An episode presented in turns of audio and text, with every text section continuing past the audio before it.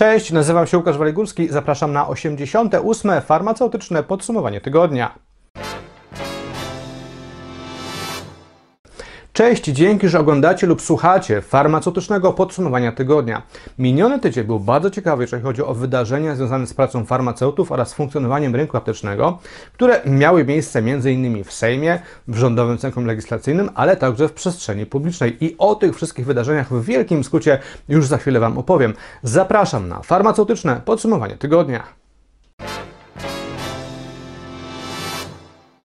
W miniony czwartek odbyło się drugie posiedzenie Sejmowej Podkomisji Nadzwyczajnej do rozpatrzenia projektu ustawy o zawodzie farmaceuty. Pierwsze posiedzenie tej podkomisji odbyło się jeszcze w maju, kiedy została ona powołana.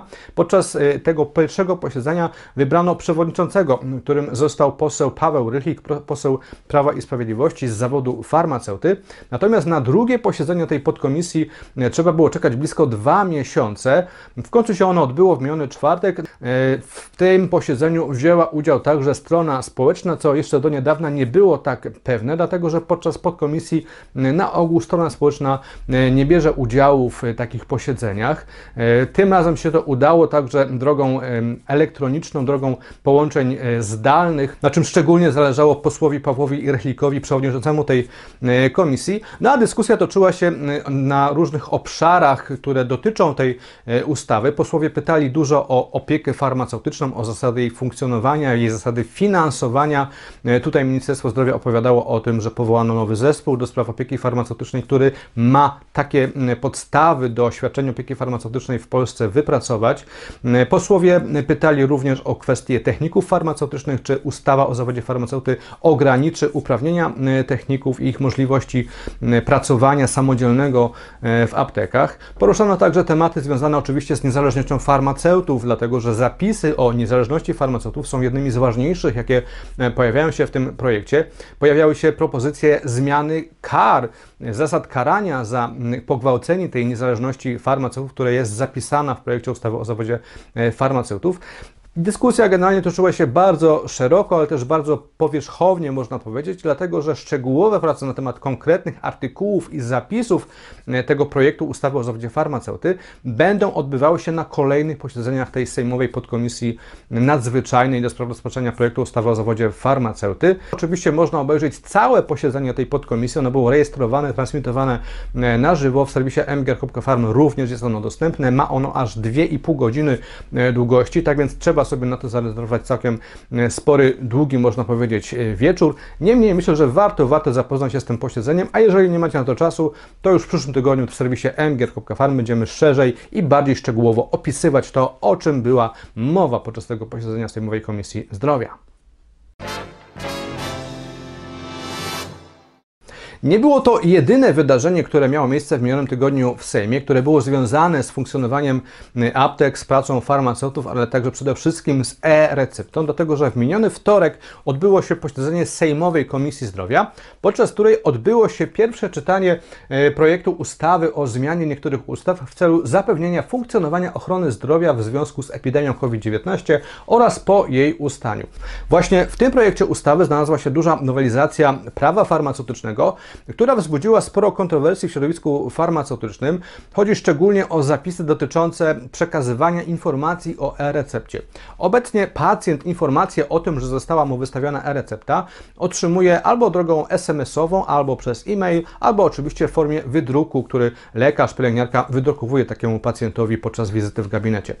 Ministerstwo Zdrowia chce umożliwić jeszcze jedną, kolejną elektroniczną drogę udostępniania pacjentowi informacji o e-recepcie, którą mają być aplikacje mobilne. I właśnie te aplikacje mobilne i przekazywanie do nich informacji o e-recepcie wzbudziły tyle wątpliwości i kontrowersji wśród farmaceutów, którzy mają świeżo w pamięci jeszcze zamieszanie i kontrowersje związane z aplikacją sieci aptek e, Gemini. I temat właśnie tej aplikacji pojawił się również podczas tego posiedzenia Sejmowej Komisji Zdrowia. W trakcie jego trwania wiceminister zdrowia Janusz Cieszyński tłumaczył, że e, wprowadzanie tego typu zmian i tego typu propozycja wcale nie jest związana z tym, co ostatnio mówiono i co działo się wokół aplikacji sieci aptek Gemini, dlatego że projekt tej nowelizacji dużo wcześniej był przygotowany i przedstawiony w Rządowym Centrum Legislacyjnym.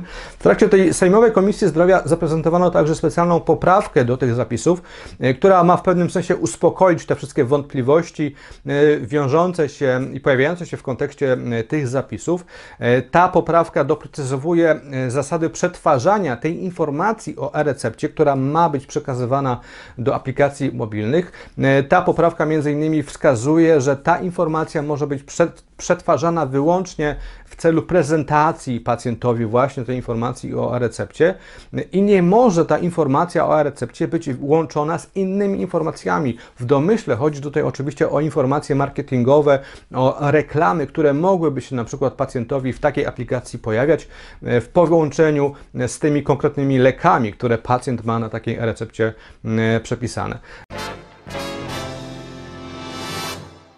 W minionym tygodniu spółka Gemini poinformowała media o przekazaniu do sądu w Warszawie e, pozwu przeciwko Naczelnej Izbie Aptekarskiej. Spółka Gemini zarzuca Naczelnej Izbie Aptekarskiej to, że wprowadza w błąd opinię publiczną, przekazuje informacje do dziennikarzy, e, które to informacje mogą naruszać dobre imię właśnie spółki Gemini oraz e, jej aptek. Jeszcze tego samego dnia, kiedy media napisały o tej sprawie, odpowiedź w tej sprawie opublikowała w pewnym sensie Naczelna Izba Aptekarska aptekarska, dlatego że Naczelna Izba Aptekarska opublikowała na swojej stronie stanowisko Prezydium Naczelnej Rady Aptekarskiej wobec wezwania przedsądowego. To wezwanie przedsądowe zostało wysłane do Naczelnej Izby Aptekarskiej na początku e, lipca. E, Naczelna Izba Aptekarska odmówiła wykonania tych wszystkich e, żądań, roszczeń, które pojawiły się w tym wezwaniu przedsądowym i w rezultacie właśnie ten pozew spółki Gemini został skierowany do sądu. No a w tym stanowisku Prezydium Naczelnej Rady Aptekarskiej wskazuje że nie wycofuje się ze swojego stanowiska z tych wszystkich zarzutów, które zostały sformułowane w oświadczeniach i w publikacjach prasowych oraz w skargach, można powiedzieć, które były skierowane do prezesa ochrony danych osobowych, Urzędu Ochrony Danych e, Osobowych. No i to jasno wskazuje na to, że Naczelna Izba Tekarska jest gotowa do tego starcia z, ze spółką Gemini e, w sądzie. Jest to starcie, które jest, można powiedzieć, bez precedensu, dlatego że jeszcze do tej pory nie zdarzyła się taka sytuacja, aby podmiot działający na rynku aptecznym pozywał do sądu e, samorząd aptekarski, samorząd, który ma zajmować się e, funkcjonowaniem, prawidłowym funkcjonowaniem e, tego obszaru rynku, rynku aptecznego. No i oczywiście nadzorem, pewnym nadzorem nad farmaceutami, którzy działają na tym rynku aptecznym. Jest to sytuacja bez precedensu. Będzie ona śledzona również przez naszą redakcję, ale myślę, że będą na nią także bardzo pilnie spoglądały media ogólnopolskie, dlatego że informacja o tym pozwie dosyć szerokim echem odbyła się także w mediach ogólnopolskich polskich. W minionym tygodniu w Rządowym Centrum Legislacyjnym do konsultacji społecznych został oddany projekt nowelizacji rozporządzenia w sprawie recept. Ten projekt związany jest bardzo ściśle e, z lekami, bezpłatnymi lekami dla kobiet w ciąży. Jak doskonale wiemy, od 1 lipca e, funkcjonują przepisy, które umożliwiają e, wystawianie recept na bezpłatne leki dla kobiet w ciąży. Teoretycznie, dlatego że praktycznie istnieją dwie przeszkody, które takie e, przepisywanie bezpłatnych leków dla kobiet w ciąży uniemożliwiają. Pierwszą przeszkodą jest to, że póki co jeszcze nie ma wykazu tych bezpłatnych leków dla kobiet w ciąży, a Ministerstwo Zdrowia ma aż 4 miesiące od 1 lipca licząc na stworzenie takiego wykazu. Drugą przeszkodą natomiast są braki w rozporządzeniu w sprawie recept, w którym to nie umieszczono jeszcze e, tego nowego uprawnienia dodatkowego, jakim ma być uprawnienie C, ale także nie doprecyzowano tego, czy na przykład farmaceuta, technik farmaceutyczny realizując receptę z uprawnieniem C będzie mógł je uzupełnić, poprawić, jeżeli będzie ono zapisane e, nieprawidłowo lub nie będzie zapisane e, przez osobę wystawiającą taką receptę. I właśnie to rozporządzenie e, pojawiło się właśnie w Rządowym Centrum Legislacyjnym, zostało oddane do konsultacji publicznych, no i dowiadujemy się z niego właśnie tego, o czym do, nie do końca wiedzieliśmy jeszcze do niedawna, czyli czy farmaceuta będzie mógł poprawić to uprawnienie C na recepcie. Okazuje się, że nie. Z treści tej nowelizacji rozporządzenia w sprawie recept wynika, że zarówno technik farmaceutyczny, jak i farmaceuta w przypadku braku e, uprawnienia C na recepcie papierowej nie będą mogli go uzupełnić, a więc sytuacja tutaj będzie analogiczna jak w przypadku uprawnienia S, czyli bezpłatnych leków dla osób po 75 roku życia. Pracownik apteki, osoba realizująca taką receptę nie będzie mogła tego uprawnienia poprawić, uzupełnić w przypadku jego e, braku. A na sam koniec temat nieco, można powiedzieć, mniejszego kalibru.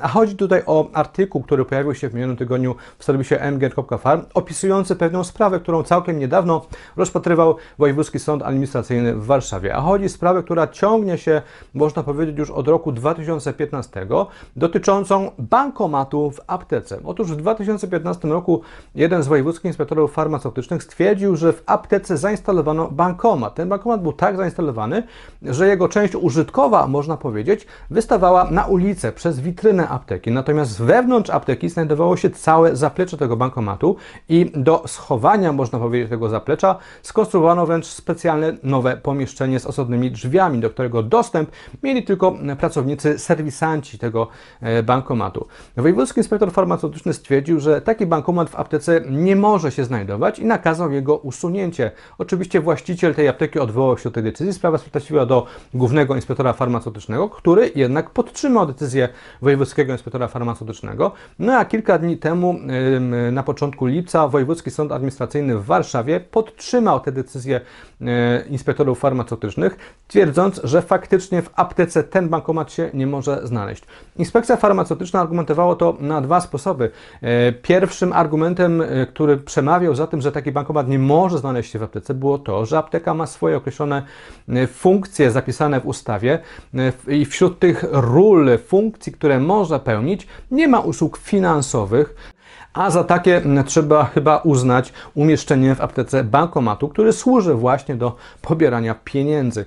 Drugim argumentem inspekcji farmaceutycznej było to, że zamontowanie tego bankomatu we wnętrzu apteki spowodowało zmiany w lokalu apteki. No a lokal apteki jest takim elementem, można powiedzieć, wniosku o wydanie zezwolenia na aptekę, który jest bardzo istotny i wszelkie zmiany w lokalu apteki muszą być zgłaszane do wojewódzkiego inspektora farmaceutycznego dlatego że mogą mieć wpływ na to, czy takie zezwolenie cały czas będzie aptece przysługiwało. W serwisie mgr.farm możecie przeczytać obszerny artykuł na ten temat, w którym znalazła się również konkretna decyzja głównego inspektora farmaceutycznego opisująca całą tą sprawę z wszystkimi jej aspektami. Zachęcam do przeczytania w wolny e, wieczór. Myślę, że to jest ciekawa sprawa, którą my jako redakcja będziemy cały czas śledzić, dlatego że jest bardzo prawdopodobne, iż nie skończy się ona na etapie Wojewódzkiego Sądu Administracyjnego. Jest niemal pewne, że zostanie ona skierowana także do Naczelnego Sądu Administracyjnego, no a wtedy dowiemy się, jakie będzie ostateczne rozstrzygnięcie tej sprawy. Czy w aptece może być bankomat? I to już wszystko, jeżeli chodzi o farmaceutyczne podsumowanie tygodnia. Bardzo dziękuję Wam za uwagę. Po więcej informacji, więcej szczegółów na temat ważnych wydarzeń z rynku aptecznego oraz pracy farmaceutów zapraszam do serwisu mgier.farm. Tam codziennie przygotowujemy dla Was nowe doniesienia z rynku aptecznego, z rynku farmaceutycznego. Zapraszam także do prenumeraty naszego magazynu, dwumiesięcznika drukowanego mgier.farm, największego w Polsce, liczącego sobie aż 120 stron. Za jego pośrednictwem możecie dowiedzieć się wielu ciekawych rzeczy, możecie poznać wiele wartościowych informacji, ale także kupując prenumeratę papierową zyskujecie szansę na aż 12 punktów edukacyjnych. Bardzo dziękuję za uwagę, a na kolejne farmaceutyczne podsumowanie tygodnia zapraszam za dwa tygodnie.